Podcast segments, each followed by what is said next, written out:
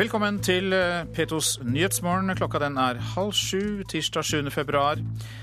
Her i studio sitter Øystein Heggen i dag, og vi har disse hovedsakene. Politiet har ennå ikke fått tilgang til Anders Behring Breiviks lukkede Facebook-konti.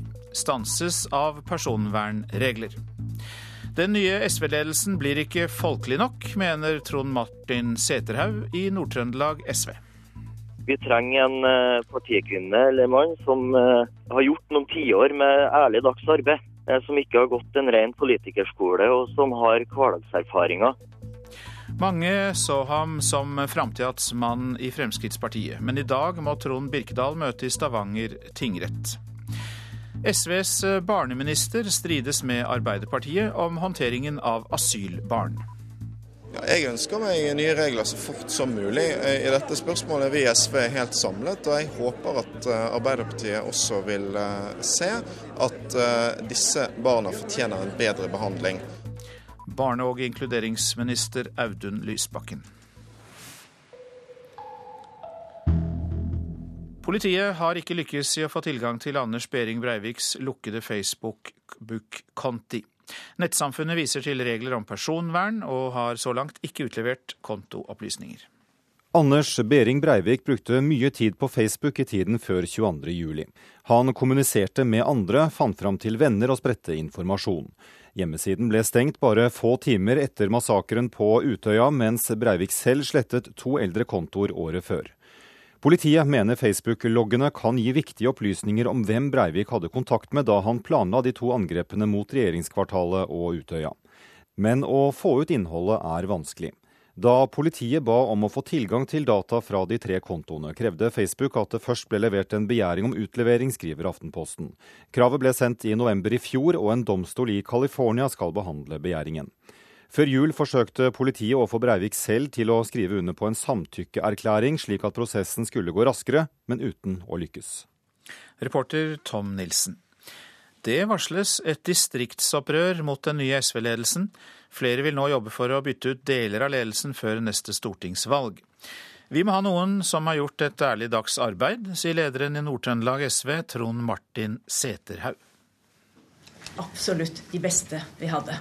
Inga Marte Torkelsen, Bård Vegard Solhjell og Lysbakken eller Holmås. Er de folkelige? Er du folkelig?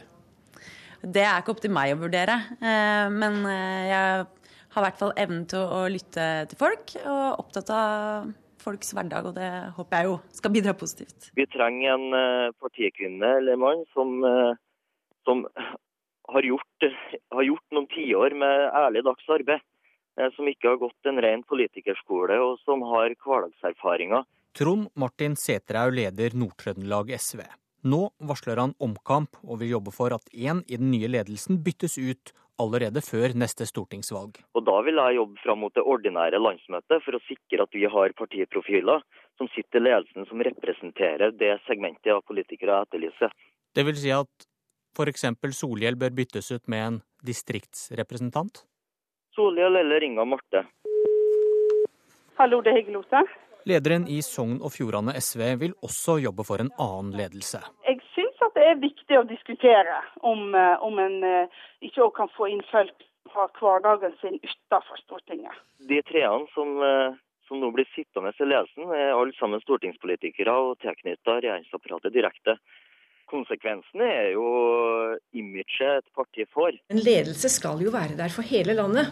Tora Aasland ledet valgkomiteen. Det bør jo ikke være noe ulempe at man eventuelt er en, en stortingsrepresentant eller er en del av det sentrale partimiljøet. Hva sier du til dem som nå kommer til å kritisere SV for å ha unge, uh, urbane folk i, i lederskapet? Vi trenger et ungt lederskap, og jeg tar det jo som en selvfølge at vi velger et lederskap for hele landet.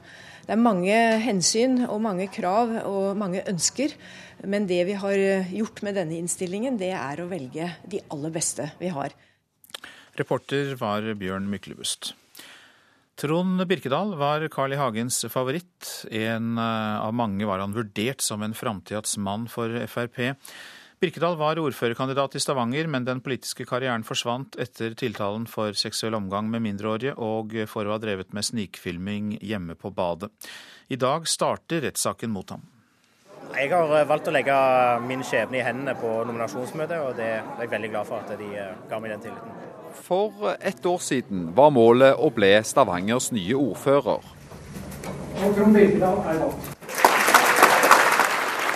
Frp-erne i Stavanger var ikke i tvil. De ville ha Trond Birkedal som ordførerkandidat. Og ambisjonene hans var store. Som ordførerkandidat for et så stort parti som Fremskrittspartiet, så går ikke jeg inn i denne valgkampen og tror at jeg skal bli gruppeleder for Frp i neste fireårsperiode. Sentralstyremedlemmet og den mangeårige lederen av Fremskrittspartiets Ungdom var et politisk talent utenom det vanlige. En framtidens mann i Fremskrittspartiet, helt til søndag 20. mars i fjor. Jeg er veldig skuffet og lei meg og forferdet over denne saken. Derfor er jeg glad for at vedkommende har trukket seg fra alle sine verv i Fremskrittspartiet, og at politiet nå etterforsker saken. Ja, Stavanger Frp står altså uten ordførerkandidat etter at Trond Birkedal trekte seg fra alle verv i partiet. Søndag 20.3 i fjor blir Trond Birkedal arrestert i sin egen leilighet i utkanten av Stavanger sentrum. Dagen etter møter ikke Frp-toppen på bystyremøtet. Underveis i dette bystyremøtet får partivenner og politiske motstandere vite at en ikke navngitt Frp-politiker fra Vestlandet som er arrestert, er Trond Birkedal. Det var mandag kveld at nyheten sprakk. Fremskrittspartiets ordførerkandidat i Stavanger, Trond Birkedal, ble siktet for å ha filmet en naken 19-åring på sitt eget bad. Og Martin Bratland Andersen var den første som meldte Birkedal til politiet. Motivet hans for å stå fram har vært å gjøre det lettere for andre å kontakte politiet med si historie. Grunnen til at jeg kommer fram, er for at folk skal føle at her er det en person som står frem med bilde og navn, og på en måte viser at dette har jeg opplevd. Og da blir det lettere for de å ta kontakt med politiet og fortelle sin historie, fortelle hva de har opplevd. Og fortelle eventuelt hva som har foregått i forholdet mellom dem. da. Birkedals advokat Arvid Sjødin forteller at politikeren tar det tungt, og at de foreløpig ikke har fått beskjed om utvidelse av siktelsen.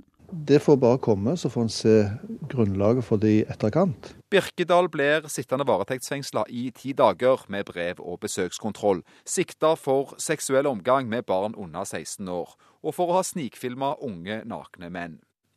Utover våren og sommeren vokser saken i omfang, og når det rett før nyttår blir tatt ut tiltale mot Trond Birkedal, er han tiltalt for ett tilfelle av seksuell omgang og ett tilfelle av seksuell handling med to gutter på under 16 år. Dette nekter Birkedal straffskyld for. Men den tidligere ordførerkandidaten har innrømmet å ha fått en mindreårig gutt til å kle av seg foran kamera, og for å ha snikfilma flere unge menn som har lånt dusjen i leiligheten hans. Og det sa reporter Johan Mile Laugaland. Rettssaken starter i Stavanger tingrett klokka ni i dag. Barne- og inkluderingsminister Audun Lysbakken fra SV mener at asylbarn som har vært her lenge, må få bli i Norge. Men hittil har Arbeiderpartiet sagt nei. Regjeringen skal til våren komme med forslag til nye regler, og nå håper Lysbakken at regjeringspartner Arbeiderpartiet vil snu. Ja, jeg ønsker meg nye regler så fort som mulig. I dette spørsmålet er vi i SV helt samlet, og jeg håper at Arbeiderpartiet også vil se at disse barna fortjener en bedre behandling. Det er gode argumenter for og mot, og dette har vi til vurdering. Det svarer Arbeiderpartiets Pål Lønseth, statssekretær i Justisdepartementet. Reiser komplekse problemstillinger, og jeg ser gode argumenter både for en lempeligere behandling, og jeg ser gode argumenter for at den linja man har i dag er den riktige. Det handler om barn med foreldre som ikke har fått asyl, men nekter å dra. Dermed slår barna rot. De går på skole, de lærer seg norsk. Flere barn må få bli i Norge. Det er sånn at uh, barn skal ikke straffes for det foreldrene eventuelt har gjort feil. Vi vet at uh, barn sin barndom er kort. Det å være mange år på vent kan være skadelig for barna. De trenger trygghet og stabilitet. Det pågår altså en dragkamp i regjeringen. Men også i Arbeiderpartiets egne rekker er det flere som ønsker en mer liberal praksis. AUF krever at barnas tilknytning til Norge skal veie tyngre enn innvandringspolitiske hensyn. De får samme svar av Lønseth som SV får. Her er det hensyn for og hensyn imot, og de hensynene skal veies. Reporter Katrin Hellesnes. Avisene er preget av gårsdagens fengslingsmøte. Utøya-ofre lo av Anders Behring Breiviks syke forklaring, skriver Dagbladet. Da han snakket om nødverge og at han burde få Krigskorset, kom latteren, sier 16 år gamle Helene Georgsen, en av dem som ikke klarte å holde latteren tilbake. Behring Breivik viser ingen anger, er oppslaget i Dagsavisen. To måneder før rettssaken har forsvarerne ennå ikke tatt stilling til selve hovedspørsmålet, om den terrorsiktede er tilregnelig eller utilregnelig. Forsvareren og massemorderen er i utakt, er oppslaget i Klassekampen. Latterlig, sa Behring Breivik selv om de sakkyndiges rapport om utilregnelighet. Hans forsvarer Geir Lippestad ville få ham løslatt pga. utilregnelighet. Ikke spor av psykose, sier rettspsykiater Henning Værøy til VG etter fengslingsmøtet av Anders Behring Breivik. Han er langt unna å være paranoid schizofren, sier Værøy. Og vi må tåle å se ham, er overskriften på Vårt Lands førsteside. Vi kan ikke glemme det som skjedde 22.07. Vi må forsøke å forstå det, og vi må bearbeide det. Ikke bare som enkeltpersoner, men som nasjon, skriver Vårt Land på lederplass. Flere skoler i Akershus fylke stenger internett, leser vi i Aftenposten. Mange elever leser Facebook i stedet for bøker. Det ødelegger timene, mener både elever og lærere. Jeg sover godt om natten, sier skatteekspert Sverre E. Kokk til Dagens Næringsliv. Skatterådgivere til riggiganten TransOcean får personlige milliardkrav etter at selskapet nekter å betale krav fra norske skattemyndigheter. Unge lokkes av nytt oljeeventyr, skriver Bergens Tidende. Oljerusen gir størst optimisme vest for Bergen. 24 år gamle Jonas Lie Olsen har sikret seg både oljejobb, rekkehus og en nyfødt baby på Ågotnes. Oljeprisen har steget med 98% de siste fem år, men Statoil-kursen har gått ned med 11% skriver Finansavisen. Hvordan har Statoil-ledelsen klart det kunststykket, spør avisa. 19 innstilte bussavganger på én dag i Tromsø opptar avisa Nordlys. Et nytt selskap har overtatt anbudet på bussdriften i byen. En av sjåførene sier situasjonen er kaotisk, at selskapet Nobina mangler sjåfører, og at de lever under et minuttregime der det ikke er mulig å ta, ta inn forsinkelser. Lørdag la Russland ned veto i FNs sikkerhetsråd. Samme dag var det støttemøte for Vladimir Putin foran det russiske presidentvalget. Et møte preget av sterke påstander om Vestens holdninger til Russland og om Libya og Syria. I dag skal Russlands utenriksminister Sergej Lavrov til Syria, og spørsmålet er om han kan bringe krisen nærmere en løsning.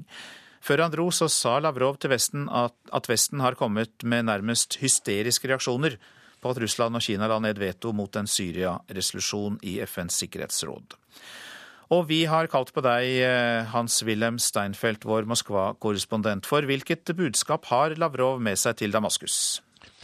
De fleste russiske kommentatorer mener at Lavrov kommer til å si til Assad-regimet at det vetoet som Kina og Russland la ned i FNs sikkerhetsråd på lørdag, var den siste hjelpen de kunne gi, og at regimet, som Russland tidligere har gitt uttrykk for, må slutte å bruke væpnet makt mot demonstrantene. Og det blodbadet som eh, pågår i Syria, begynner jo å bli en belastning innad i Russland også. Du sier eh, siste hjelp, og i det så ligger det kanskje nettopp et press på Syria som Russland har med seg? Ja, fremfor alt fordi forretningsorden i FN jo åpner for å ta denne saken til generalforsamlingen i FN, hvor vetoretten til stormaktene ikke gjelder. Og i den utstrekning Den arabiske liga vil fremme et forslag om aksjon mot det som skjer i Syria, vil da Kina og Russland stå, eh, stå eh, hjelpeløse dersom de skulle ønske fortsatt å støtte Assad-regimet. Så budskapet er nok at eh, hvis ikke regimet nå etterkommer eh, vennlig innstilte råd fra Russland, så kan det komme til en utenlandsk intervensjon som Russland ikke vil ha makt til å stanse. Men eh, Russland er jo likevel ikke spesielt fornøyde med Vestens reaksjoner. De sier Vesten har overreagert på dette vetoet, at reaksjonene er hysteriske. Ja, fordi Russland grunnga sitt veto med de argumenter som Russland har brukt når Russland har hevdet at vestmaktene misbrukte FN-resolusjonen eh, mot Libya og Obas Gaddafi til å bli part i en borgerkrig. Dette har Russland, og ikke bare Russland, fordømt. Det var ikke en aksjon, mener Russland, i Libya bare for å beskytte sivile, men faktisk for å delta i borgerkrigen mot det sittende regimet. Men har Russland og Vladimir Putin feiltolket virkningene av opprøret i Syria på arabisk opinion og på verdensopinionen? Russland kan synes som om landet bærer havre til død mer, både i Libya, gjorde de det, og i Syria. I Egypt var Russland taus, for president Mubarak var jo en amerikansk alliert. Russland kjemper for å beholde et fotfeste. Syria er en klientstat som våpenoppkjøper. Og slik sett så er Russland i en litt farlig politisk situasjon. På den ene siden kan Russland vinne seg seg et styrket fotfeste i Syria. Russland har også sitt forhold til Israel å ta vare på. Men dersom Assad-regimet ryker, så er det Russland som stormakt som vil sitte med svarteper i Midtøsten. Og eh, Putin, i den utstrekning det er han og ikke president Dmitrij Medvedev som styrer utenrikspolitikken nå, viser ikke veldig store evner til empati når det gjelder Midtøsten. Og på lørdag så ble det rett ut sagt på støttemøtet for Vladimir Putin Putin at hvis ikke Putin får styre Russland, kommer vestmaktene til å kaste seg over Russland som vestmaktene kastet seg over Libya og gjorde det til et blodbad. Det er jo en paranoid, absurd og tøvet påstand, men det fremføres altså på støttemøter for Vladimir Putin i Russland nå. Mange takk skal du ha, Moskva-korrespondent Hans-Wilhelm Steinfeld. Du lytter til Nyhetsmorgen. Klokka nærmer seg 6.47. Dette er hovedsaker. Politiet har ikke fått tilgang til Anders Behring Breiviks lukkede Facebook-konti. Stanses av personvernregler. Den nye SV-ledelsen blir ikke folkelig nok, mener flere av partiets tillitsvalgte i distriktene. Og snart skal vi høre hvorfor skiløpere, håndballtrenere og andre idrettsutøvere møtes i Operaen i dag. Lars Berger har ikke truffet med formen hittil, og VM i skiskyting er kun noen uker unna. Skiskytteren innrømmer at selvtilliten er lav, og ønsker nå å finne noen som kan gi ham selvtillit. Jeg håper kanskje å finne en samtalepartner, i hvert fall. For så. Jeg kan ikke love deg om en mental trener eller hva det er for noe, jeg vet ikke. Berger har fått beskjed om at han ikke skal være med til helgens verdenscup i Finland. Han syns det er helt greit. Men per, per, i dag så funker det ikke å gå renn, og jeg blir bare eh, mer frustrert enn eh, Så jeg føler meg ikke slag til å gå renn, og da velger jeg å stå over. NRKs skiskytterekspert Ola Lunde mener det er nødvendig at Berger søker hjelp nå. Ja, Hvis jeg hadde vært Lars Berger nå, så tror jeg ville ha, ha revurdert det og, og, tenkt litt på altså, hvem kan hjelpe meg. Hvordan skal jeg få, få tankene mine på, på rett spor her. Ståleskyting handler jo veldig mye om eh, det å tro på at du kan treffe. Skiskytteren har slitt enormt på stafetter denne sesongen. Derfor mener Lunde at han ikke bør tenke på en VM-stafett. Altså, jeg tror ikke Lars eh, har nesten sjøl ønsket å gå stafetten ut fra det han har gjort tidligere på stafett. Lars må konsentrere seg om sprinten i VM. Reporter Mario Torres. Politiet i Oslo sliter med at mange vitner ikke møter til avhør. Det betyr mange bortkastede etterforskningstimer, og det kan føre til at saker ikke blir oppklart. Altså, dette her er en, et godt eksempler i forhold til eh, en sak hvor vi sliter med å få tak i veldig veldig sentrale vitner. Det er en legemsbeskadigelse som skjedde i slutten av november. Og saken kunne for så vidt vært ferdig ja, kanskje før jul. Politioverbetjent ved Sentrum politistasjon Janne Stømner forteller om en slåsskamp i Oslo. Der det var flere vitner som var til stede før, under og etter hendelsen. Det er to sentrale vitner som, som vi, er ute etter her, som vi for så vidt har vært i kontakt med flere ganger. Både på telefon, de har fått innkallelse skriftlig, og så dukker de ikke opp. For dette er ikke den eneste saken. Politiet har ikke tall på hvor ofte vitner ikke møter opp. De kan bare konstatere at det å innkalle til avhør, forberede seg, for så å se at vitnet ikke kommer i det hele tatt, er bortkastet tid. Hadde alle folk meldt flytting til folkeregisteret og møtt på våre innkallelser, så hadde mye av vår jobb faktisk vært gjort, og vi hadde spart mye ressurser i forhold til den biten. Og det er ikke det eneste problemet. Vi ser jo at minnefaktoren, altså vitner, andre som vi skal ha inn, det blir svekka når det går lengre tid, og det kan også bli påvirka av andre ting. Og det siste er selvfølgelig også en belastning for offeret i saker som må vente lenge på en avgjørelse. Fører det ytterste konsekvens til at saker kanskje ikke blir oppklart pga. dette? Eh, I verste fall så kan det jo hende. Og folk har forskjellige grunner for ikke å møte. Jeg tror det er for noen eh, at de ikke ønsker å bli blanda inn i saker og, og, og stille som vitner.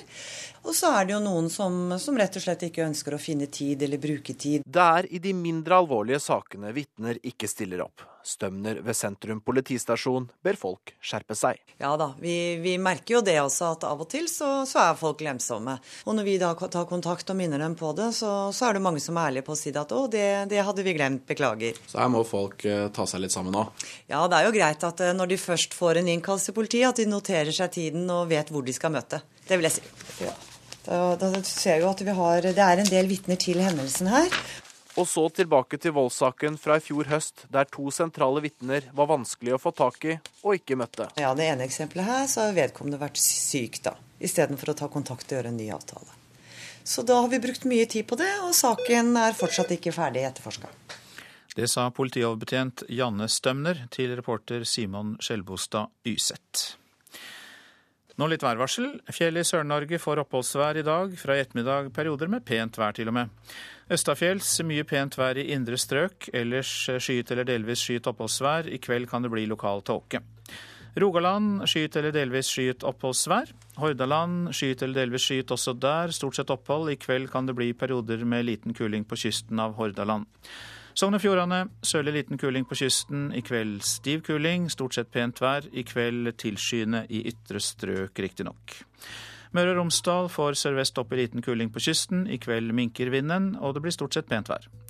Trøndelag får snø eller sludd av og til, regn i ytre strøk. Fra i ettermiddag stort sett pent vær i Sør-Trøndelag. Nordland sørøstlig periodevis liten kuling utsatte steder. Fra i ettermiddag sørlig liten kuling på kysten. Lettskyet vær, i kveld tilskyende. Litt sludd eller regn, snø i indre strøk etter hvert, altså. Troms får lettskyet vær i dag. I kveld litt snø eller sludd på kysten. Fra i ettermiddag sørvestlig stiv kuling. Så til Finnmark. Vestlig liten kuling på kysten i nord. Fra i ettermiddag sørvestlig stiv kuling utsatte steder. Lettskyet oppholdsvær, men det kan bli lokalt lave tåkeskyer i Finnmark. Spitsbergen sørvestlig stiv kuling utsatte steder. I kveld øker det til liten storm, og det kan bli snø. Temperaturer målt klokka fire i natt. Svalbard lufthavn pluss én. Kirkenes minus 28. Varde minus 9. Alta minus 26. Tromsø minus 10. Bodø minus 5. Brønnøysund minus 4. Og så noen plussgrader. Trondheim 2. Molde 3. Bergen 1 plussgrad. Stavanger minus 3. Kristiansand minus 9, Gardermoen minus 5, Lillehammer minus 8, Røros minus 5 og Oslo-Blindern eh, minus 4 eh, klokka 4. Du lytter på Nyhetsmorgen. Lederen av 22. juli-kommisjonen på Stortinget, Knut Arild Hareide, kommer i studio etter klokka sju, bl.a. for å kommentere hva en tidligere britisk etterretningssjef sier om terroren som rammet Norge.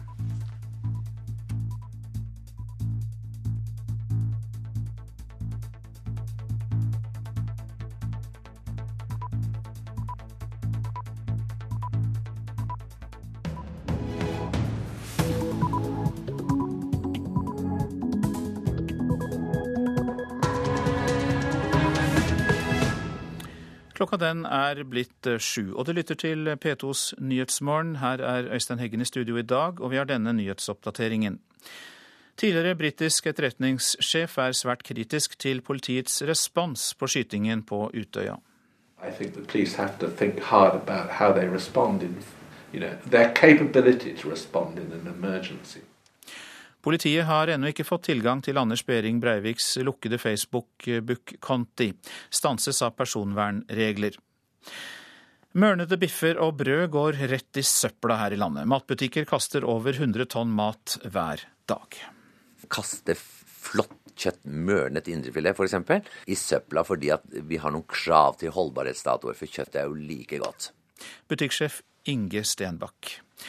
Distrikts-SV varsler opprør mot den nye partiledelsen. Mer bråk om vikarbyrådirektivet. Virke, organisasjonen Virke altså, truer med å bryte samarbeidet mellom stat og arbeidsliv.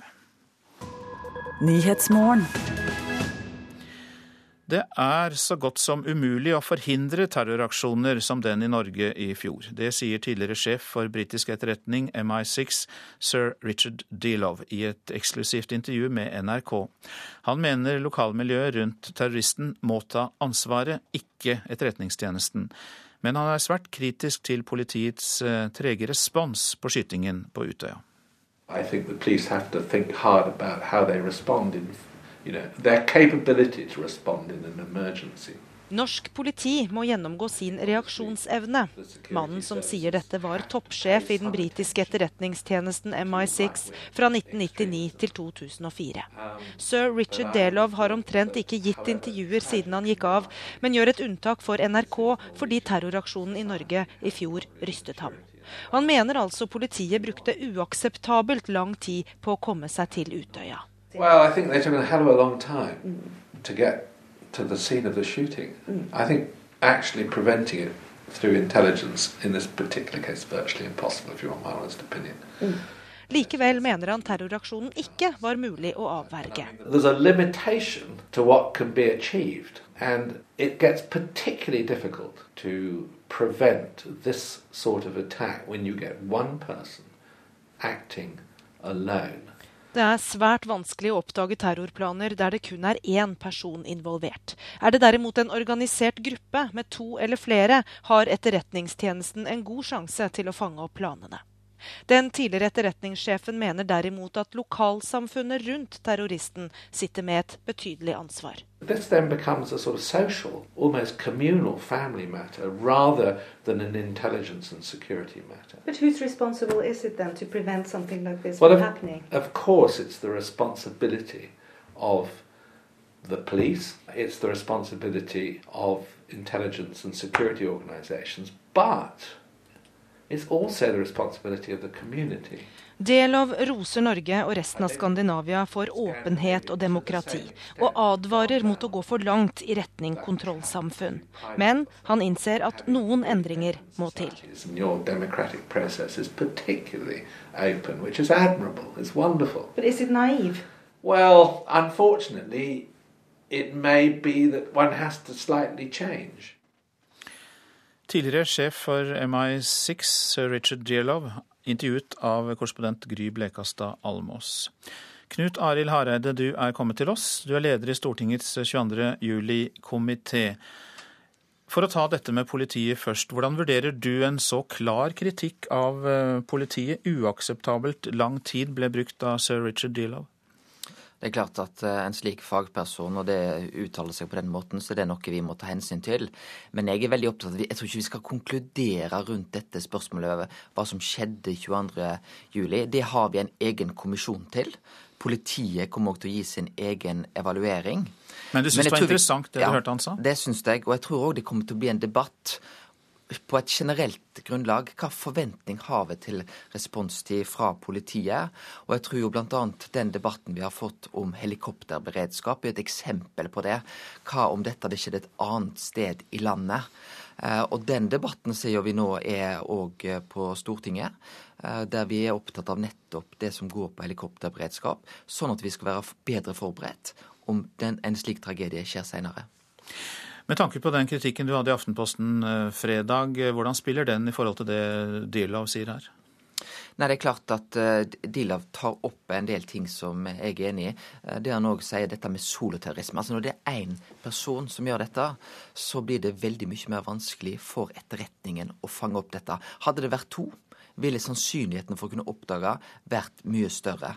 Eh, Og det at vi nå kan se på et lovverk som i alle fall gjør at vi kan fange opp forberedelser der det er en enkeltperson, en soloterrorisme, det mener jeg er noe vi må se videre på. I dag er det sånn at hvis du deltar i f.eks. treningsleirer, deltar i terrororganisasjoner som enkeltperson, så er ikke det straffbart. Det er noe vi må se på. Vi hørte også et interessant poeng fra sir Richard Delow, nemlig dette med lokalmiljøet og lokalsamfunnets ansvar, det som da er rundt en potensiell eh, terrorist. Hvordan eh, opplever du de synspunktene hans? Ja, Det er jo en debatt som òg er naturlig å, å, ta. Det er klart at Nå er det òg stilt en diagnose rundt gjerningsmann. Det må vi ta med inn i den eh, debatten. Men det er klart at lokalsamfunnet har veldig stor betydning. Er du ung, er du med i en frivillig organisasjon, opplever deg inkludert. Eh, nå skal ikke jeg si at jeg kjenner gjerningsmannen. Vi kjenner jo han alle gjennom det nyhetsbildet som er tegna. Det er klart dette har vært en ensom fugl eh, på, på, veldig mange eh, områder. Men det vi i alle fall kan på en måte se, er jo at en del av de oppfatningene som gjerningsmannen sitter med, er det jo iallfall gjort plass til i vårt samfunn i enkelte, selvfølgelig mye mindre miljø, men det har jo vært med på å gi en grobunn òg for det som har skjedd. Ja, for dette, Denne kritikken kan jo ses på minst to måter. altså At man følger med på miljøer, men også at man, at man viser omsorg for personer som kanskje eh, står utenfor miljøene. Ja, eh, og det er klart at eh, det, er, det å være alene, det å på en måte stå helt på, på utsida, det gjør noe med en person. Eh, når dette da skjer over mange, mange år. Jeg er ikke inkludert i dette. Men det er klart, når vi, når vi ser på en del av de miljøene som personer har vokst opp i, så er det klart at det har òg vært eh, gode miljø. Eh, det har vært eh, skolemiljø som har vært positive. Så jeg tror ikke vi kan konkludere på dette. Og jeg syns òg dette med at det er gitt en diagnose, det må vi òg ta med oss når vi vurderer dette. Mange takk skal du ha, KrF-leder Knut Arild Hareide, som da også er leder av Stortingets 22. juli-komité. USA har forlatt sin ambassade i Syria. Det hvite hus i Washington sier at de som støtter Assad, satser på feil side i konflikten. I over ti måneder har det vært et opprør mot Assads styre. Og menneskerettighetsorganisasjoner sier situasjonen har forverret seg etter Russland og Kinas veto i Sikkerhetsrådet.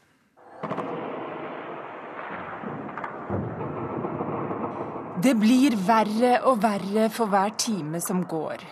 De massive angrepene fra syriske regjeringsstyrker tok i går livet av minst 79 mennesker, melder menneskerettighetsorganisasjoner.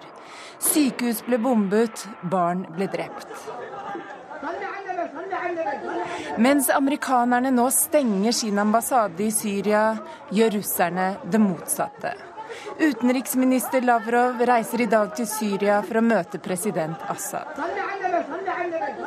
Folk i Syria fortsetter å rope om hjelp, både fra Allah og det internasjonale samfunnet. Og demonstranter viser plakater som sier 'russiske våpen dreper våre barn i Syria'. Reporter her, det var Nina Bull Jørgensen. 130 000 kilo, det er 130 tonn. Det er vekten av den maten butikkene kaster her i landet hver dag. Det er mye mat som kunne vært spist. For kort holdbarhet, dårlige bestillingsrutiner og kravstore forbrukere får skylda for dette. Det gjør at daggammelt brød og mørnet biff går i søpla. Her er det masse frukt. Starter vi. Herregud, sånn. Kverna tar seg av maten som Inge Stenbakk ved Menybutikken i Oslo ikke får solgt før det er for seint. At det går mye varer til kast som egentlig kunne vært solgt, det er det ingen tvil om. Hvert år kastes det 330 000 tonn mat som kunne gått i munnen i stedet for søpla. 80% står forbrukerne sjøl for, mens 15% av den brukbare maten blir kasta allerede før den når handleposen vår. Og, og når vi ser på den overfloden og hva vi kaster, så syns jeg det er ille. At maten har gått ut på dato eller ikke lenger er fersk, er hovedårsaken til at maten havner i søpla. Mange brødsorter har vi, Madeleine? Fisk, frukt, ja. kjøtt og bakevarer kastes mest.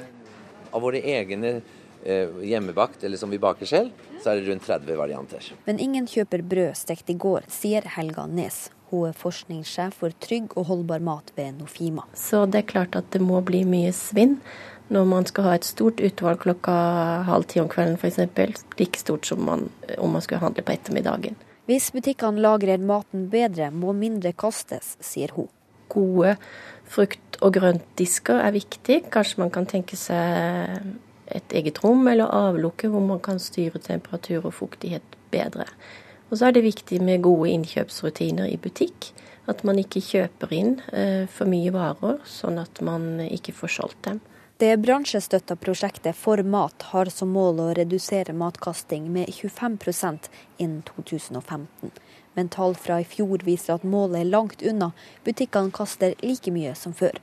Professor Ole Jørgen Hansen ved Østfoldforskning leder prosjektet. Vi skaper jo mer eh, miljø- og klimabelastning enn det som hadde vært nødvendig hvis vi hadde klart å spise opp all maten som blir produsert. på. Madeleine? På Meny prøver butikksjef Inge Stenbakk å gi bort brukbar mat til Blå Kors. Mat som snart går ut på dato, selger han billigere. Et datasystem prøver å hindre overbestilling. Likevel jobber Kverna seg gjennom kilo på kilo med mat. Han retter en pekefinger mot produsentene, som bestemmer hvor lenge et produkt er trygt å spise. Hvorfor skal nå bare fersk deier ha to-tre dager holdbarhet, og hvorfor skal ferskpakket kjøtt bare ha noen få dager holdbarhet? Og det er jo nesten ille at man skal ha, kaste flott kjøtt, mørnet indrefilet f.eks., i søpla fordi at vi har noen krav til holdbarhetsdatoer, for kjøttet er jo like godt. Det sa en eh, indignert butikksjef, Inge Stenbakk, eh, og reporter var Kristine Svendsen. Og vi lar denne indignasjonen gå videre til deg, informasjonsdirektør i Nortura, Nina Sundquist.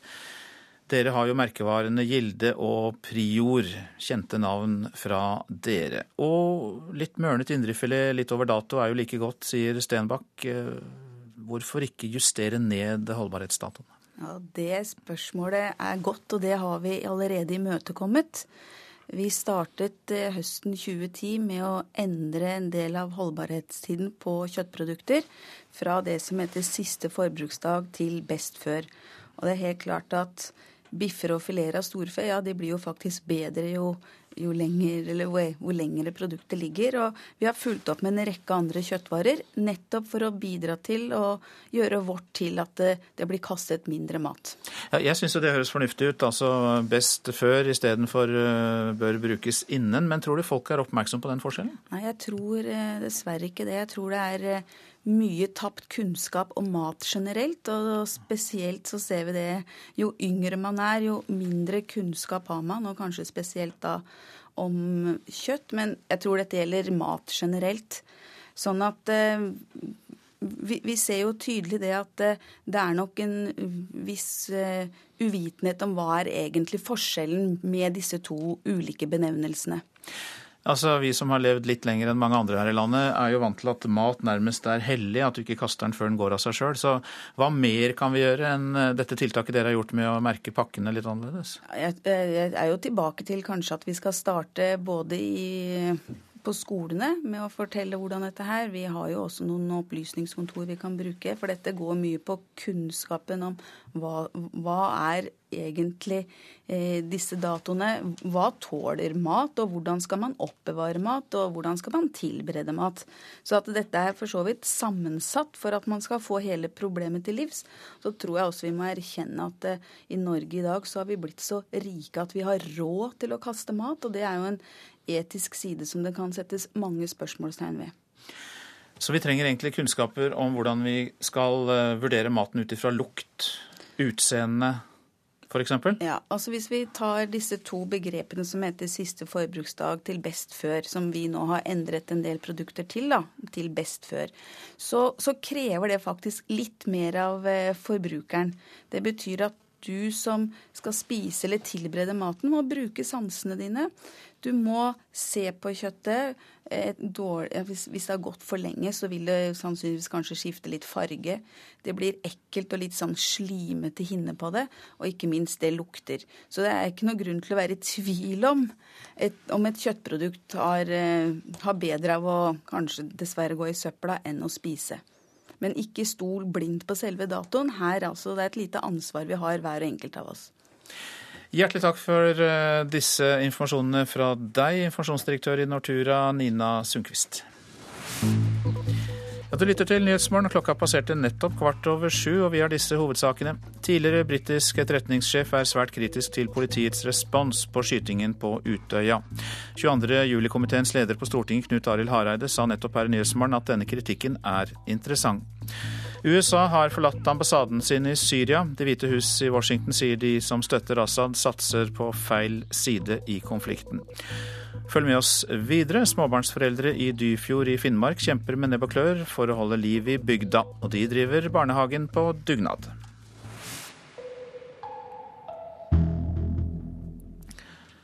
Regjeringen får nå kritikk fra alle kanter når det omstridte vikarbyrådirektivet fra EU skal innføres. Nå er det arbeidsgiverorganisasjonen Virke som truer med å kutte trepartisamarbeidet i arbeidslivet. Leder for Virkes arbeidslivspolitikk, Inger Lise Blyverket, er svært kritisk til regjeringens tiltakspakke, som er ment å sikre arbeidstakernes rettigheter ved innføring av dette EU-direktivet. Trepartssamarbeidet i Norge kan stå i fare dersom ikke regjeringen eh, lytter til også arbeidsgiversidens innvendinger og vår utredning som vi nå har lagt på Hanne Bjurstrøms bord. Innføringen av vikarbyrådirektivet skaper trøbbel for Arbeiderpartiet. Forrige uke gikk LO inn for å legge ned veto mot hele direktivet. Trolig vil både SV og Senterpartiet si det samme. For å sukre pillen for LO har regjeringen laget en tiltakspakke ved siden av direktivet. Dette er ment å sikre vikarers rettigheter. Men pakken er uspiselig for Virke. De er særlig kritisk til to forhold. Det ene er økt innsyn for tillitsvalgte. Det andre er at bedrifter som bruker vikarbyrå, blir medansvarlig for vikarenes lønns- og ansettelsesforhold. Og her er det så mange tiltak som vi er svært skeptiske til, og som vi også har fått en juridisk utredning som viser muligens er i strid med EØS-avtalen og Den europeiske menneskerettighetskommisjon. Det er ikke en god måte å drive trepartssamarbeidet på. Trepartssamarbeidet mellom regjeringen og partene i arbeidslivet har eksistert i Norge siden 40-tallet. Virke mener regjeringen nå ødelegger et godt samarbeid. De mener det blir vanskelig og dyrt for arbeidsgivere å bruke midlertidig arbeidskraft. I Norge så er vi enige om at vi vil verne om lønns- og arbeidsvilkårene vi har, og begrense sosial dumping. Men den felles utfordringen løses ikke ved at vi dynger på med ulike tiltak som ikke er grundig utredet, som muligens er i strid med loven. Stortingsrepresentant for Arbeiderpartiet Anette Trettebergstuen har jobbet med direktivet i mange måneder. Hun er ikke glad for Virkes trusler. Altså, Trepartssamarbeidet er utrolig viktig. Det er på en måte bunnplanken i det norske samfunnet. Det at arbeidsgiversida, arbeidstakersida og staten sammen blir enige om store og viktige grep. Eh, jeg registrerer kritikken fra, fra, Virke, men jeg er uenig i den kritikken. De tiltakene som vi nå har hatt ute på høring, det er tiltak som vil sikre likebehandlingsprinsippet i eh, vikardirektivet, og ikke minst vil være med på å skape et ryddigere arbeidsliv. Reporter her Berit Aalborg. Faren for at Hellas går helt tom for penger har økt betraktelig. Grunnen er at landets politiske ledere nøler med å godta sparekravene fra EU og Det internasjonale pengefondet. EU og pengefondet skulle denne uken godkjenne en ny lånepakke til landet på 130 milliarder euro, eller 908 milliarder kroner, men eh, hele denne prosessen kan bli utsatt, skriver eh, Finansavisen. I Indias hovedstad New Delhi skal fornyingsminister Rigmor Aasrud i dag møte en av Indias mest sentrale politikere, teleminister Kapil Sibal. Han tok over departementet da den forrige statsråden ble avsatt og arrestert for korrupsjon i forbindelse med tildelingen av lisenser for mobiltelefoner, som da skjedde i 2008. Og Det var den direkte foranledningen til at Telenor i forrige uke ble fratatt konsesjonen for å drive denne type forretningsvirksomhet i India. Joar Hoel Larsen har mer fra Ny-Delhi.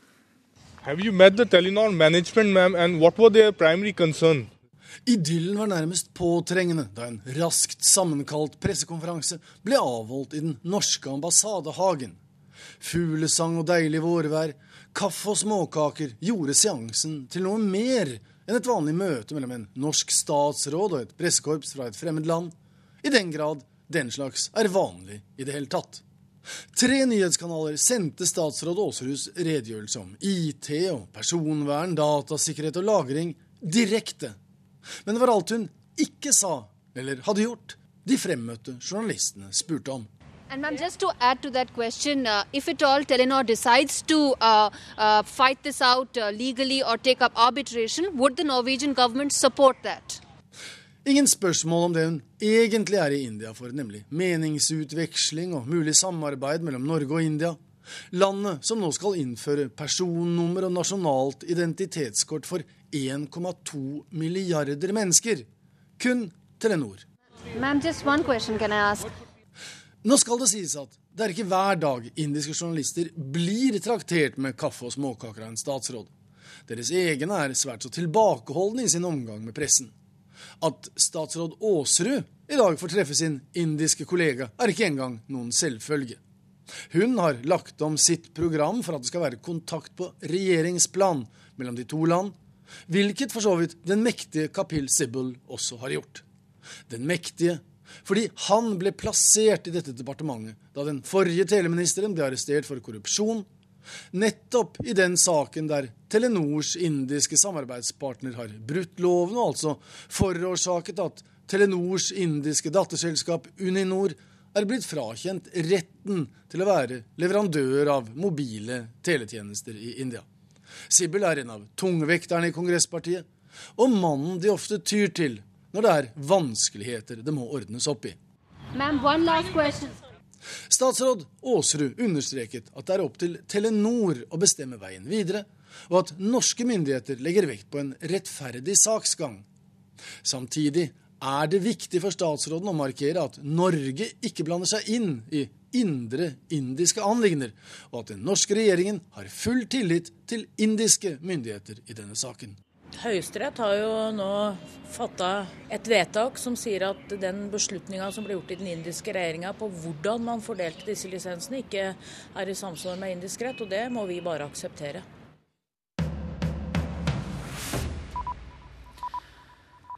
Streikende politifolk har okkupert delstatsbygninger i den brasilianske byen Salvado og nekter å overgi seg til militære og føderalt politi. Denne politistreiken har vart i seks dager og kan ha resultert i 87 drap og en bølge av kriminalitet i byen der flere av kampene i fotball-VM i 2014 skal spilles. USA truer med å redusere bistanden til Egypt etter at myndighetene i landet anklager over 40 personer for ulovlig finansiering av organisasjoner. 19 av de siktede er amerikanere, og én er nordmann.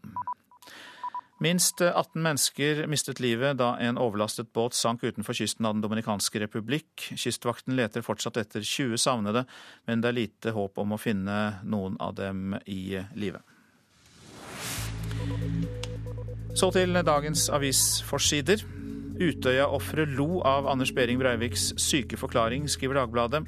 Da han snakket om nødverge og at han burde få krigskorset, kom latteren, sier 16 år gamle Helene Georgsen, en av dem som ikke klarte å holde latteren tilbake. Behring Breivik viser ingen anger, er oppslaget i Dagsavisen. To måneder før rettssaken har forsvarerne ennå ikke tatt stilling til selve hovedspørsmålet, om den terrorsikter er tilregnelig eller utilregnelig. Forsvareren og massemorderen er i utakt, er oppslaget i Klassekampen. Latterlig, sa Behring Breivik selv om de sakkyndiges rapport om utilregnelighet. Hans forsvarer, Geir Lippestad, ville få ham løslatt pga. utilregnelighet. Ikke spor av psykose, sier rettspsykiater Henning Værøy til VG etter fengslingsmøtet av Anders Behring Breivik. Han er langt unna å være paranoid schizofren, sier Værøy. Vi må tåle å se ham, er eh, overskriften på Vårt Lands førsteside. Vi kan ikke glemme det som skjedde, vi må forsøke å forstå, og vi må bearbeide det, ikke bare som enkeltpersoner, men som nasjon, skriver Vårt Land på lederplass. Flere skoler i Akershus fylke stenger internett, leser vi i Aftenposten. Mange elever leser Facebook i stedet for bøker. Det ødelegger timene, mener både elever og lærere. Jeg sover godt om natten, sier skatteekspert Sverre E. Koch til Dagens Næringsliv. Skatterådgiverne til eh, riggiganten TransOcean møter personlige milliardkrav etter at selskapet nekter å betale krav fra norske skattemyndigheter. Unge lokkes av nytt oljeeventyr, skriver Bergens Tidende på sin forside.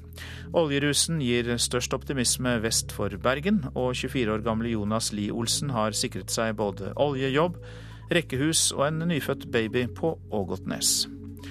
Oljeprisen har steget med 98% de siste fem år, men Statoil-kursen har gått ned med 11% skriver Finansavisen. Hvordan har Statoil-ledelsen klart det kunststykket, spør avisa. 19 innstilte bussavganger på én dag i Tromsø opptar avisa Nordlys. Et nytt selskap har overtatt anbudet på bussdrift i byen. En av sjåførene sier situasjonen er kaotisk, at selskapet Nobina mangler sjåfører, og at de lever under et minuttregime der det ikke er mulig å ta inn forsinkelser. Egen barnehage er avgjørende for å holde liv i Dyfjord. Det mener hjemflyttede småbarnsforeldre i denne lille bygda i Lebesby i Finnmark. Mens de venter på økonomisk støtte fra kommunen, så driver de barnehage på dugnad i bygdas grendehus. Vi har fått tvert nei på alle søknader. Man får jo litt en følelse av at, uh, at vi har misforstått litt. For de ber oss komme hjem, og så kommer vi kanskje ikke helt til den, den, den plassen de mente vi skulle komme til. At det var Kjøllefjord de egentlig mente vi skulle komme til. Sier Kristin Mørk og Linn Mørk Pettersen. De er to av foreldrene i Dyfjord som har tatt med seg barna hjem til bygda de vokste opp i. Totalt er det ti barn i barnehagealder i bygda. Lebesby kommunes tilbud er å kjøre to mil til Kjøllefjord, og det er ikke dyfjordværingene interessert i. Det nytter ikke å ha en barnehage på én plass i kommunen, og så sier de at nå har vi barnehage her, og nå får alle ungene komme hit uansett hvor dere bor. Vi skal ha barnehage her, ungene skal gå her. Det er det som er, blir et verdig liv. Det er at de, får, de minste ungene får være nært og komme og gå som de Da er de med i samfunnet. Hvis de skal sendes bort, det er absolutt det viktigste vi har nå. Det er ungene. Ruth Pedersen har bodd i bygda hele livet. Og selv om hun ikke lenger har barn i barnehagealder, stiller hun opp på dugnad. Siden august har folket i Dyfjord sendt tre søknader om tilskudd fra kommunen. Når det ikke nytter, må de se seg om etter andre inntektskilder for å holde barnehagen i gang. Nå eh, har vi to uh, damer her som har to små unger. Men jeg har sagt at det er ikke noe begrensning for dem. Jeg må bare ta dem med, for vi har fått tilbud fra en lokal fisker om å egne til den. Og hvis vi egner til den, så skal vi få pengene som man får på det sjøværet. Så nå går vi mannehus, bestemødre og mødre og, og de med ungene i puppen og alt. Vi må bare stille opp i bua og så egne. Lebesby kommune dekker strømregningen i grendehuset, men noe tilskudd har foreløpig ikke vært aktuelt.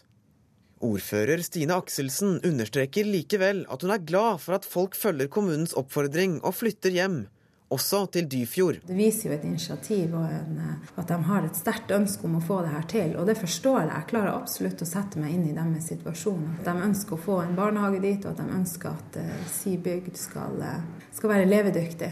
Men Burde de ikke da få noe igjen for det fra kommunens side? Ja, det kan, du, eh, det kan jo diskuteres, selvsagt. Og det var jo det som ble gjort politisk. Og man kom frem til at man hadde ikke mulighet nå til å gå inn med økonomisk støtte. Og det var for at man nå hadde full barnehagedekning. Diskusjonene rundt omkring i Norges land går jo gjerne på det her om man skal legge ned skoler eller barnehager. Kampene går der, mens vi ser at, eh, at her er det jo faktisk å opprette.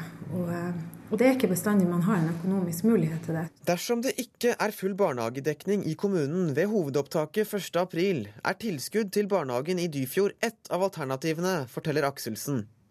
Enn så lenge må Linn og de andre foreldrene holde dugnadsånden oppe. Hvis ikke har bygda en mørk fremtid i vente. Jeg ser litt på det som ja, den siste sjansen for Dyfjord, kanskje, å, overleve, rett og slett. For uh, nå kan vi få ungene til oss å oppleve Dyfjord fra barndomsårene av, sånn som de fleste av oss her har gjort. Det er derfor vi er kommet tilbake. Er det ingen som vokser opp her nå, så vil det ikke komme noe tilbake, og da vil Dyfjord ligge. Reporter Hermund Lybekk Kjernli.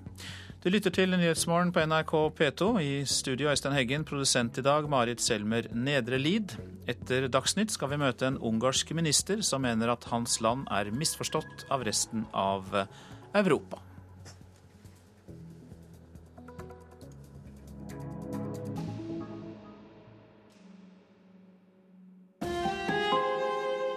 Hør ekko. I fjor spiste vi 90 000 tonn kylling her i landet.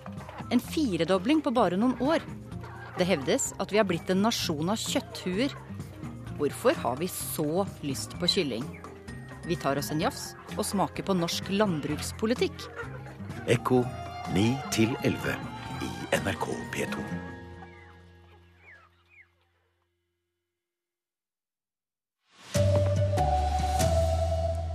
Politiet somlet med å komme seg til Utøya, det mener tidligere britisk spionsjef. Brød og biff går rett i søpla, matbutikker kaster over 100 tonn mat hver dag. Og asylbarn som har vært lenge i Norge bør få bli, mener barneminister Lysbakken. Her er NRK Dagsnytt, klokka er 7.30. Det er nesten umulig å hindre terroraksjoner som den i Norge. Det mener tidligere sjef for britisk etterretning MI6, sir Richard Dearlove, i et eksklusivt intervju med NRK. Men han er svært kritisk til politiets trege respons på skytingen på Utøya. I think the police have to think hard about how they respond in, you know, their capability to emergency. Norsk politi må gjennomgå sin reaksjonsevne. Mannen som sier dette, var toppsjef i den britiske etterretningstjenesten MI6 fra 1999 til 2004. Han mener altså politiet brukte uakseptabelt lang tid på å komme seg til Utøya. Well,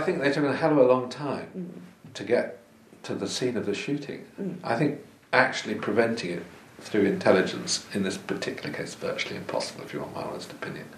Likevel mener han terroraksjonen ikke var mulig å avverge. There's a limitation to what can be achieved, and it gets particularly difficult to prevent this sort of attack when you get one person acting alone.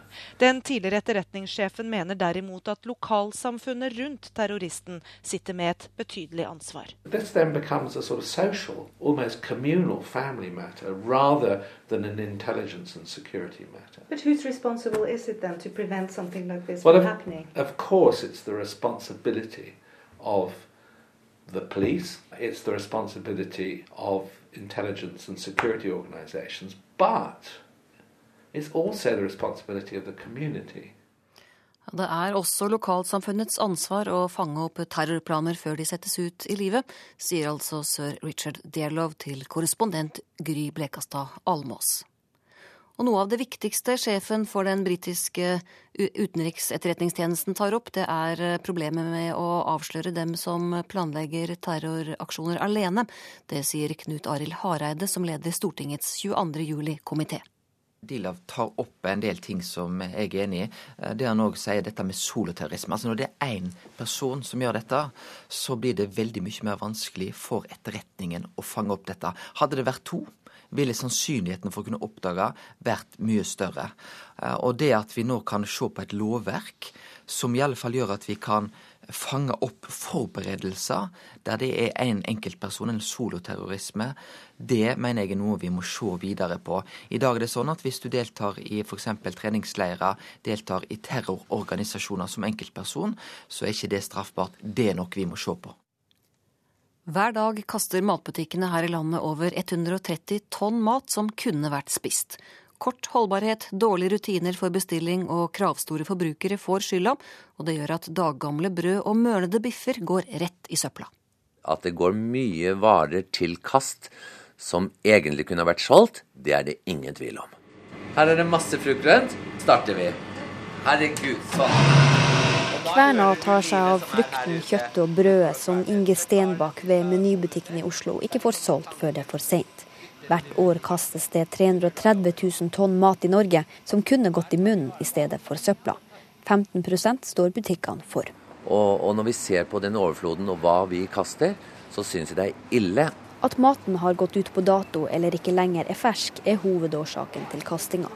Ingen kjøper brød stekt i går, sier Helga Nes. Hun er forskningssjef for trygg og holdbar mat ved Nofima. Det er klart at det må bli mye svinn når man skal ha et stort utvalg klokka halv ti om kvelden f.eks.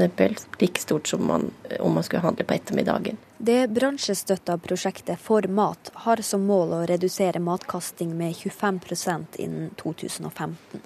Men tall fra i fjor viser at målet er langt unna. Butikkene kaster like mye som før. Professor Ole Jørgen Hansen ved Østfoldforskning leder prosjektet. Vi skaper jo mer eh, miljø- og klimabelastning enn det som hadde vært nødvendig hvis vi hadde klart å spise opp all maten som blir produsert. På Meny jobber butikksjef Inge Stenbakk hardt for å hindre overbestilling. Likevel jobber Kverna seg gjennom kilo på kilo med mat. Han retter en pekefinger mot produsentene som bestemmer hvor lenge et produkt er trygt å spise. Og det er jo nesten ille at man skal kaste flott kjøtt, mørnet indrefilet f.eks., i søpla fordi at vi har noen krav til holdbarhetsdatoer, for kjøttet er jo like godt. Reporter er Kristine Svendsen. USA har forlatt ambassaden sin i Syria, og Det hvite hus i Washington sier at de som støtter Assad, satser på feil side i konflikten. Samtidig reiser Russlands utenriksminister i dag til Syria. Menneskerettighetsgrupper sier at situasjonen i landet er blitt verre etter Russland og Kinas veto i Sikkerhetsrådet.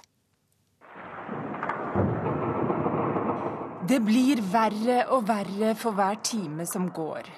De massive angrepene fra syriske regjeringsstyrker tok i går livet av minst 79 mennesker, melder menneskerettighetsorganisasjoner.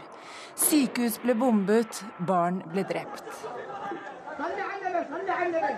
Mens amerikanerne nå stenger sin ambassade i Syria, gjør russerne det motsatte. Utenriksminister Lavrov reiser i dag til Syria for å møte president Assad. Folk i Syria fortsetter å rope om hjelp, både fra Allah og det internasjonale samfunnet. Og demonstranter viser plakater som sier 'russiske våpen dreper våre barn i Syria'. De fleste russiske kommentatorer mener at Lavrov kommer til å si til Assad-regimet at det vetoet som Kina og Russland la ned i FNs sikkerhetsråd på lørdag, var den siste hjelpen de kunne gi, og at regimet, som Russland tidligere har gitt uttrykk for, må slutte å bruke væpnet makt mot demonstrantene. Og det blodbadet som eh, pågår i Syria, begynner jo å bli en belastning innad i Russland også. Vi hørte Moskva-korrespondent Hans-Wilhelm Steinfeld, og reporter var også Nina Bull Jørgensen. Barneminister Audun Lysbakken fra SV mener at asylbarn som har vært her lenge, må få bli i Norge. Til nå har Arbeiderpartiet sagt nei. I vår kommer regjeringen med forslag til nye regler. Nå håper Lysbakken at regjeringspartner Arbeiderpartiet vil snu. Jeg ønsker meg nye regler så fort som mulig. I dette spørsmålet er vi i SV helt samlet, og jeg håper at eh, Arbeiderpartiet også vil eh, se at eh, disse barna fortjener en bedre behandling. Det er gode argumenter for og mot, og dette har vi til vurdering. Det svarer Arbeiderpartiets Pål Lønseth, statssekretær i Justisdepartementet. Reiser eh, komplekse problemstillinger, og jeg ser gode argumenter både for en lempeligere behandling, eh, og jeg ser gode argumenter for at den linja man har i dag er den riktige. Det handler om barn med foreldre som ikke har fått asyl, men nekter å dra. Dermed slår barna rot. De går på skole, de lærer seg norsk. Flere barn må få bli i Norge. Det er sånn at uh, barn skal ikke straffes for det foreldrene eventuelt har gjort feil. Vi vet at uh, barn sin barndom eh, er kort. Det å være mange år på vent kan være skadelig for barna. De trenger trygghet og stabilitet. Det pågår altså en dragkamp i regjeringen. Men også i Arbeiderpartiets egne rekker er det flere som ønsker en mer liberal praksis. AUF krever at barnas tilknytning til Norge skal veie tyngre enn innvandringspolitiske hensyn. De får samme svar av Lønseth som SV får. Her er det hensyn for og hensyn imot, og eh, de hensynene skal veies.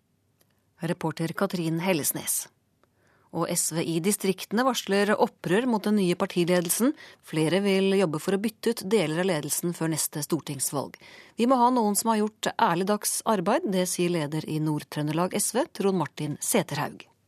Da vil jeg jobbe fram mot det ordinære landsmøtet for å sikre at vi har partiprofiler som sitter i ledelsen som representerer det segmentet av politikere jeg etterlyser. Og Når Inga Torkelsen nå blir valgt inn, så eh, vil jeg jo egentlig gå ut ifra at man kanskje eh, bør vurdere å ta ut eh, en av de to nestlederne på det ordinære møtet. Det vil si at f.eks. Solhjell bør byttes ut med en distriktsrepresentant? Solhjell eller Inga Marte. Reporter Bjørn Myklebust. Og nå om Anders Jacobsens comeback i hoppbakken. Han takket nei til landslagsplass denne sesongen, men har holdt hoppingen ved like med litt trening. Og i kveld er det alvor igjen i NM i stor bakke i Granåsen. Jeg gleder meg. Jeg koser meg i Granåsen, så jeg har ikke mange storbakke så det blir spennende å prøve igjen.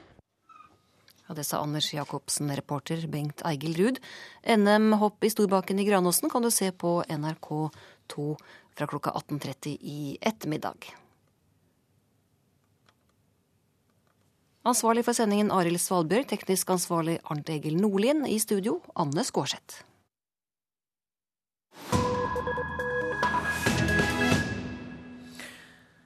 Nyhetsmorgen skal til Ungarn. Kommunikasjonsminister Soltan Kovac har fått den utakknemlige oppgaven å forsvare den ungarske regjeringen i internasjonale medier.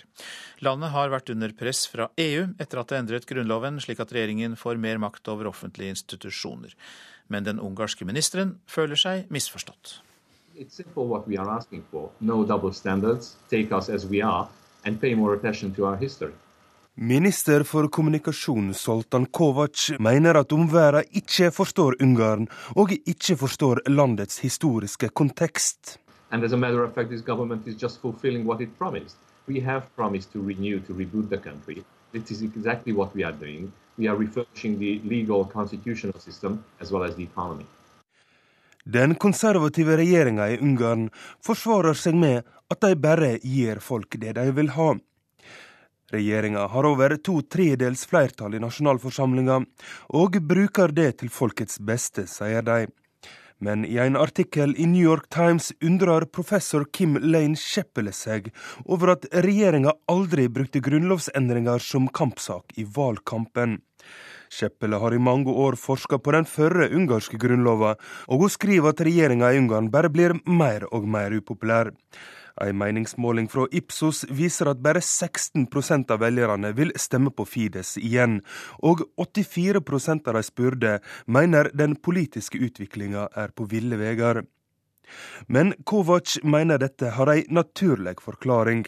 Well, this is midterm, and as you know, according to algorithm, midterm is always difficult. It's difficult for the ruling uh, uh, party, and it's difficult for the opposition as well. En annen ting den ungarske regjeringa blir kritisert for, er at de har gjort enorme politiske endringer på svært kort tid, uten å drøfte det med velgerne, opposisjonen eller EU-kommisjonen i Brussel. Usually there is a referendum when, when constitutions are, are changed. Uh, why didn't you hold a referendum? Well, that's a constitutional issue. As a matter of fact, you know, the previous constitution said that it is not possible to have referendum on constitutional issues. So if you, if you like, there was a legal foundation for that. Men kanskje den hardeste kritikken fra professor Scheppele er at ungarerne har juksa med omsetninga av den engelske versjonen av grunnlova de sender til Brussel. Hun mener den engelske teksten var full av feil, og EU-kommisjonen måtte gjøre sin egen omsetning. Og hun hevder dette er et triks som gjør det mulig å vise et europeisk andlet utad, samtidig som en gjør antieuropeiske ting internt. Tøv, mener Kovac. No, no, no, that's a complete nonsense. I mean, the, the, of course, the, the, uh, the English translation is a proper official translation. Et annet element ved den ungarske grunnlova som skaper bekymring i de andre EU-hovedstadene, er den nasjonalistiske tonen i språket. Mellom annet blir det strekt ut ei hand til ungarske minoriteter i nabolandene. Probably one of the biggest achievements actually in the new constitution that it, uh, or the accompanying so-called cardinal laws that it is addressing actually the, uh, the issue of minorities living in Hungary, providing them very extensive rights. This is exactly what we are expecting from the neighboring countries for the Hungarians. Og Kovac mener den ungarske grunnlova ikke er mer eller mindre kontroversiell enn andre europeiske grunnlover. So what we really ask for that get know the constitution, get a proper knowledge of the context, and then you get uh, you, you will understand what we are doing. Reporter Roger Severin Bruland. Ja, Du lytter til eh, Nyhetsmorgen, og dette er hovedsakene. Tidligere britisk etterretningssjef er svært kritisk til politiets respons på skytingen på Utøya. Barneministeren håper at Arbeiderpartiet vil snu, slik at asylbarn får bli i Norge. Og eh, den nye SV-ledelsen blir ikke folkelig nok, mener flere av partiets tillitsvalgte i eh, distriktene. Og den påtroppende nestlederen er med i Politisk kvarter, programleder Siri Gjørts. Ja, og vi spør Inga Marte Thorkildsen hvordan hun har tenkt å veie opp for at hun ikke er ei 60 år gammel kvinne fra Utkant-Norge, slik mange i partiet ønsker seg.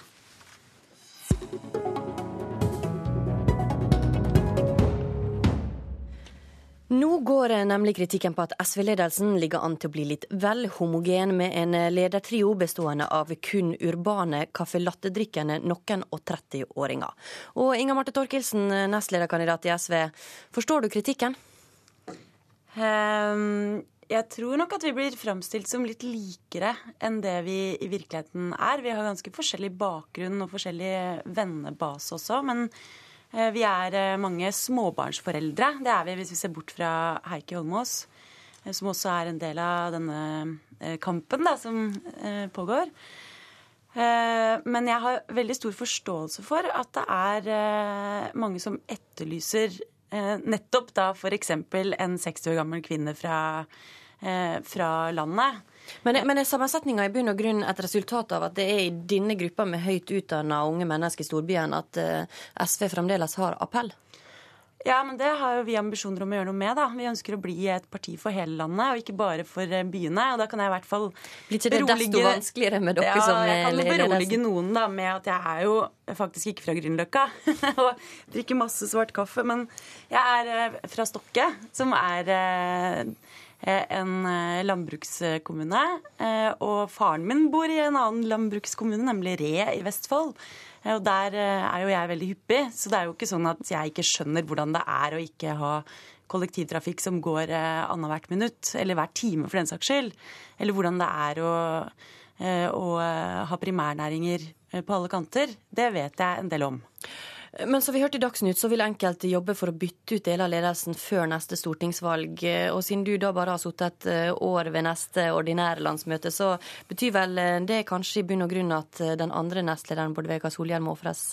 Vet du hva, jeg tenker at partiet må jo bestemme seg for hvem det er de ønsker å ha i ledelsen. Og så gjør jeg det hvis de ønsker at jeg skal være der, og så gjør Bård Vegar det hvis Eh, partiet ønsker at han skal være i nestlederkabalen.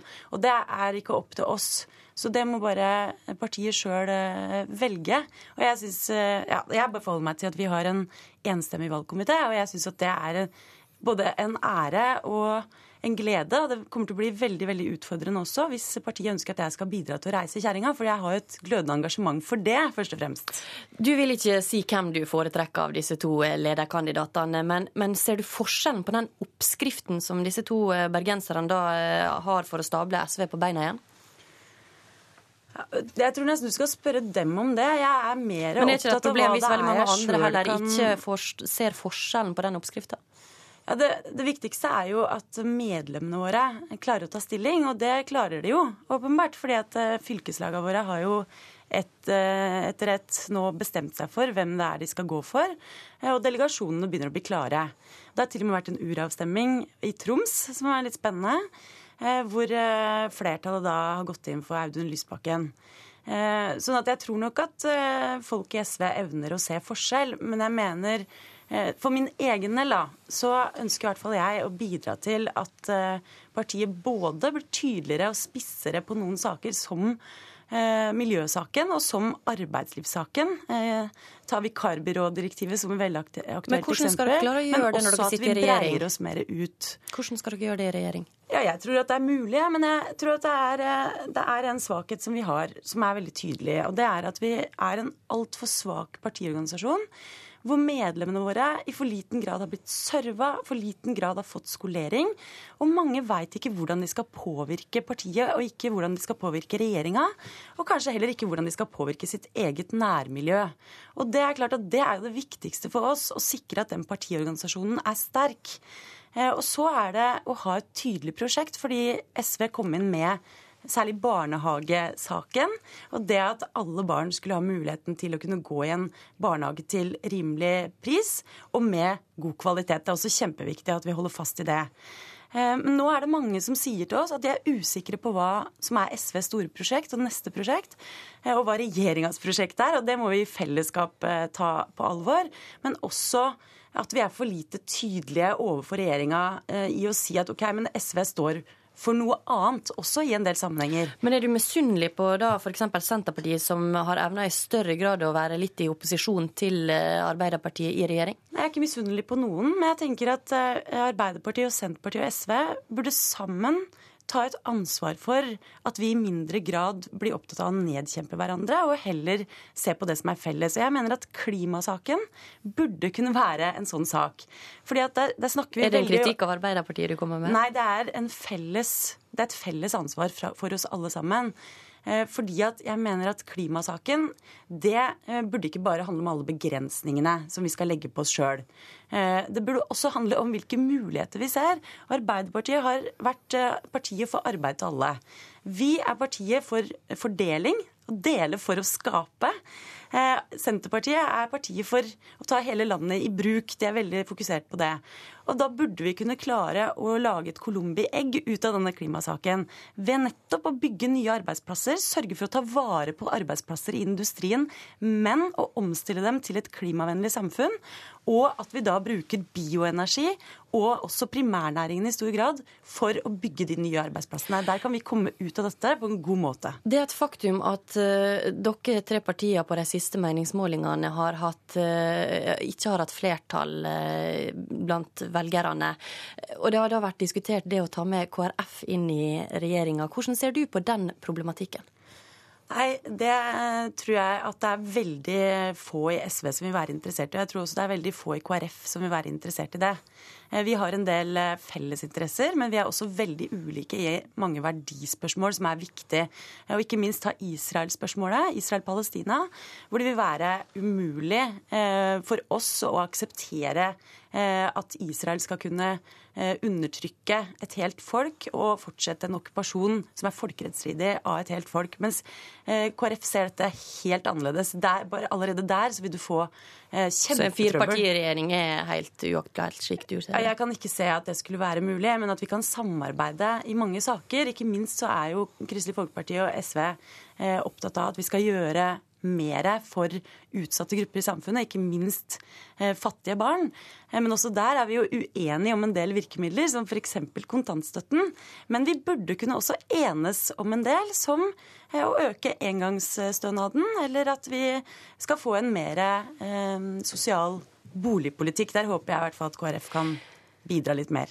SV ligger nå og vaker rundt sperregrensa. Hva er en realistisk oppslutning, ser du fram mot stortingsvalget i 2013? Jeg kan ikke skjønne at det skal være så veldig eh, spennende å, å drodle rundt, egentlig. Altså, det er opp til folk å finne ut av hva som er det realistiske. Min ambisjon er jo å prøve å, å engasjere folk til å ville både bidra gjennom å bli medlem av SV, gjennom å engasjere seg for de verdiene vi tror på, miljø og rettferdighet at alle skal ha like muligheter. Det at vi trenger mer nedrustning.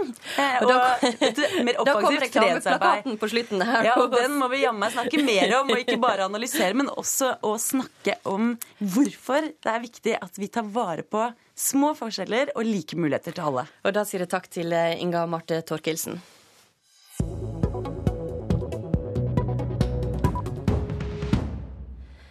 I helga så hadde det nye kristne partiet De kristne sitt første sentralstyremøte. De mener at KrF ikke lenger står opp for de kristne verdiene, og målet er å stille til stortingsvalg i 2013. En av de som sitter i sentralstyret i det nye partiet, er mangeårig bystyrerepresentant for KrF i Stavanger, Bjarne Bjelland, som sier at han gjerne kan bli kalla for mørkemann. Mørkemann i dag er faktisk en hederstittel, så jeg kaller meg gjerne for mørkemann. Bjarne Bjelland har flere år bak seg for Kristelig Folkeparti i bystyret i Stavanger. Kristelig Folkeparti er i dag veldig opptatt av omsorgspolitikk og det sosialpolitiske aspekter som går igjen hele veien. Det ser ut som Kristelig Folkeparti skal bli norgesmester i omsorgstiltak, og det er det som er blitt det kristne budskapet i KrF. Hvordan er det du vil markere en kristen politikk? Jeg er veldig opptatt av den oppvoksende generasjon. De lærer i skolen at Jesus og Muhammed er likestilt. Islam og kristendom er likt, og en har utvikla en relativitetsorientert lære hvor ingenting er absolutt. Den pensjonerte politimannen jobber mest med ungdoms- og oppvekstsaker, og jobba mot mobbing på skoler da han var i politiet. Han har fått nok av sitt gamle parti, og var i helgen på stiftelsesmøte i partiet De kristne. Vi ønsker at eh, kristendom ikke skal likestilles med islam og andre religioner, men være den dominerende lære for barn og unge. Hva var det som gjorde at du fikk nok i Kristelig Folkeparti og skjønte at dette er ikke mitt parti? Det var at en eh, nå forsøker å gå vekk ifra bekjennelsesparagrafen og bekjenner den kristne tro. Vi mener i dette partiet at det er viktig å bekjenne den eh, kristne tro, og tror ikke at eh, det er noe å være flau for i det hele tatt. I tillegg til Bjarne Bjelland var det andre tidligere KrF-medlemmer og tidligere Høyre-medlemmer som var med på stiftelsesmøtet på Bømlo i helgen. Partiet De kristne satser alt på kommende stortingsvalg, og Bjelland er sikker på at de ikke vil ende opp som f.eks. Kristent Samlingsparti, som ved sist stortingsvalg fikk 0,2% oppslutning. Vi er først og fremst et politisk parti som vil ha en helhet i vårt politiske program. Vi er i disse dager i ferd med å sette ned en programkomité som skal utarbeide et politisk program på alle områder. Det som tidligere har skjedd, er at det har vært snevre partier som kun har forholdt seg til eh, kristendom i forhold til det politiske liv. De har ikke hatt en helhet i det som de har brakt fram. Det blir det denne gangen. Ja, Det sa Bjarne Bjelland, som sitter i sentralstyret for da det nye partiet De kristne, til reporter Morten Nesvik. Og Per Anders Hoel, journalist i Vårt Land, du har fulgt oppstarten av eh, dette partiet. Eh, målet deres er 8% oppslutning ved neste stortingsvalg. Hvor realistisk er det? Ja, du, Det er en veldig krevende øvelse. Det er mange som har hatt sånne ambisjoner før, men det har ikke gått særlig godt eh, felles for alle disse partiene, og det har vært noen av de opp igjennom til høyre for Kristelig Folkeparti er at de blir et slags sånn desimalshow, egentlig på 0,2 eller 0,1, eller i beste fall 0,3, som er rekorden hittil. Men eh, hvordan kan dette påvirke da det andre kristne partiet, Kristelig Folkeparti, fram mot stortingsvalget i 2013? Eh, for Kristelig Folkeparti er det selvfølgelig en utfordring at det er noen til Høyre som eh, har eh, skapt en liten urosone. Men, eh, og den store debatten de hadde om bekjennelsesparagrafen, den, eh, den, var krevende for partiet, men de kom egentlig ganske konsolidert ut ifra dette. Men der er en eh, strømning innenfor deler av det kristne velgersegmentet som ønsker, som Bjelland her sa, en, mer en slags sånn retur. Det er en lengt tilbake til den tida når ting var mer stødig, ikke minst i skolestua. Og det var et mye sånn helt klare verdisett i dette landet. Og det, de kristne er jo et parti som f.eks. i dag i vårt land uttaler at eh, de egentlig ikke ligger så langt fra Kristelig Folkeparti, men det er denne bekjennelsesparagrafen som de vil beholde. Men selv om det ikke får mange nok eh, da stemmer til å komme inn på Stortinget, så har vel eh, da tidligere erfaringer vist at, at det kan stikke store kjepper i hjula for KrF-ere som vil inn? Ja, det har faktisk det. Eller det kan aldri si sånne ting helt sikkert. Men i 2005 så er det ett eksempel på noe som var krevende. Og det var Altså Valgerd Svarstad Haugland var på nippet til å komme inn i Akershus. Hun, hun mangla egentlig bare rundt 120 stemmer.